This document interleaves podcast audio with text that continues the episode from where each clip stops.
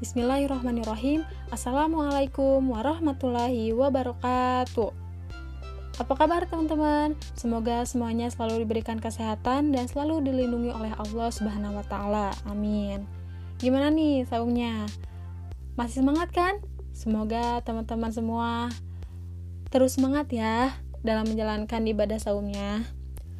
Saya Agnia Sabila Kurniawan dengan NIM 1908010 dari kelompok 17 akan mempresentasikan hasil chapter report yang berjudul Place Based Social Studies Teacher Education Learning to Teach for Ecological Citizenship while Investigating Local Waste Issue.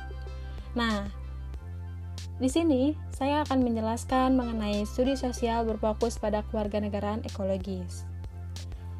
Sebelumnya, dalam bab ini memiliki dua tujuan. Yang pertama, untuk memperdebatkan konsepsi kewarganegaraan dalam pendidikan studi sosial, yang saya sebut sebagai kewarganegaraan ekologis.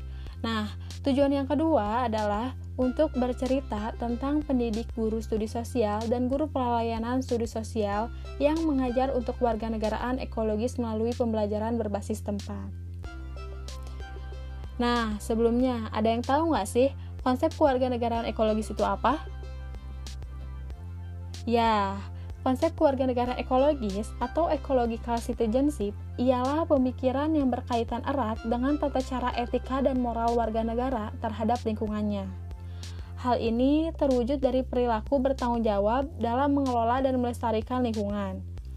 Meski dibangun dari filsafat politik hijau, konsep kewarganegaraan ekologis kemudian mengalami pendalaman dan perluasan. Singkatnya seperti ini. Seorang warga negara mengakui pentingnya dalam keterkaitan semua makhluk hidup atau bukan hanya manusia dan komunitas mereka. Warga negara ini memahami bahwa mereka tidak hanya berhubungan dengan manusia lainnya, tetapi lebih dari itu, mereka harus menciptakan keadilan terhadap lingkungan sekitar. Dan inilah hakikat dari prinsip kewarganegaraan ekologis.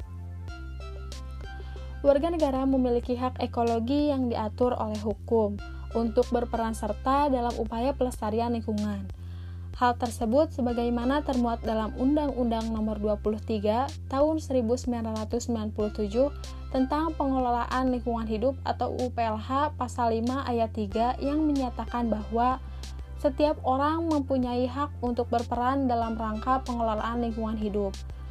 Kaitan antara perilaku warga negara dengan krisis ekologi di perkotaan digambarkan oleh Sudarmadi 2011 sebagai penyebab kerusakan lingkungan karena didominasi oleh kurangnya kesadaran warga dalam pengelolaan lingkungan. Artinya, pengelolaan lingkungan selain sebagai hak yang dijamin undang-undang juga memperlihatkan ironi tersendiri sebagai aktor utama perusak ekologi juga berasal dari perilaku warga negara. Sedangkan yang kita ketahui bahwa kewarganegaraan ekologi sebagai ekspres dari kewajiban warga negara untuk mengembalikan keaslian lingkungannya.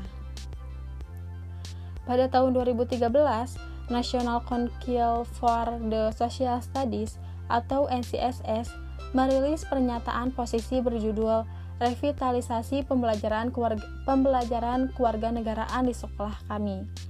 Dalam pernyataan itu, NCSS menegaskan sikap selama puluhan tahun bahwa tujuan utama pendidikan ilmu sosial adalah menciptakan warga negara yang efektif.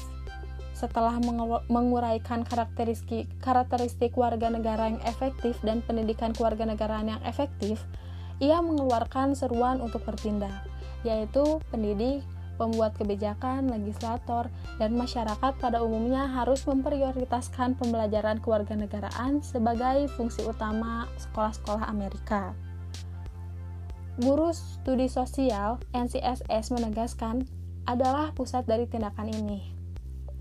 Nah, pesan eksplisit dari pernyataan itu jelas, sekolah dan khususnya guru studi sosial perlu memperbarui fokus mereka pada pendidikan kewarganegaraan.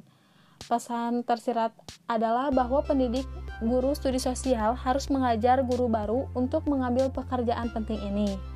Tidak mengherankan, mengingat dasar literatur studi sosial, pernyataan itu tidak menampilkan keprihatinan ekologis eksplisit. Ini terang-terangan moral, politik, dan sosial, tetapi itu juga menyatakan penghargaan manusia terhadap dunia non-manusia. Kelalaian ini sangat meresahkan karena masalah perubahan iklim menjadi semakin penting bagi wacana publik dan pendidik arus utama.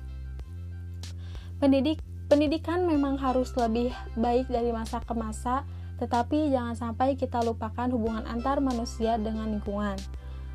Karena lingkungan yang baik akan menunjang pendidikan yang baik pula. Mungkin cukup cukup sampai situ penjelasan dari saya. Selebihnya akan dijelaskan oleh rekan saya. Mohon maaf apabila ada kata-kata yang kurang berkenan. Terima kasih. Wassalamualaikum warahmatullahi wabarakatuh.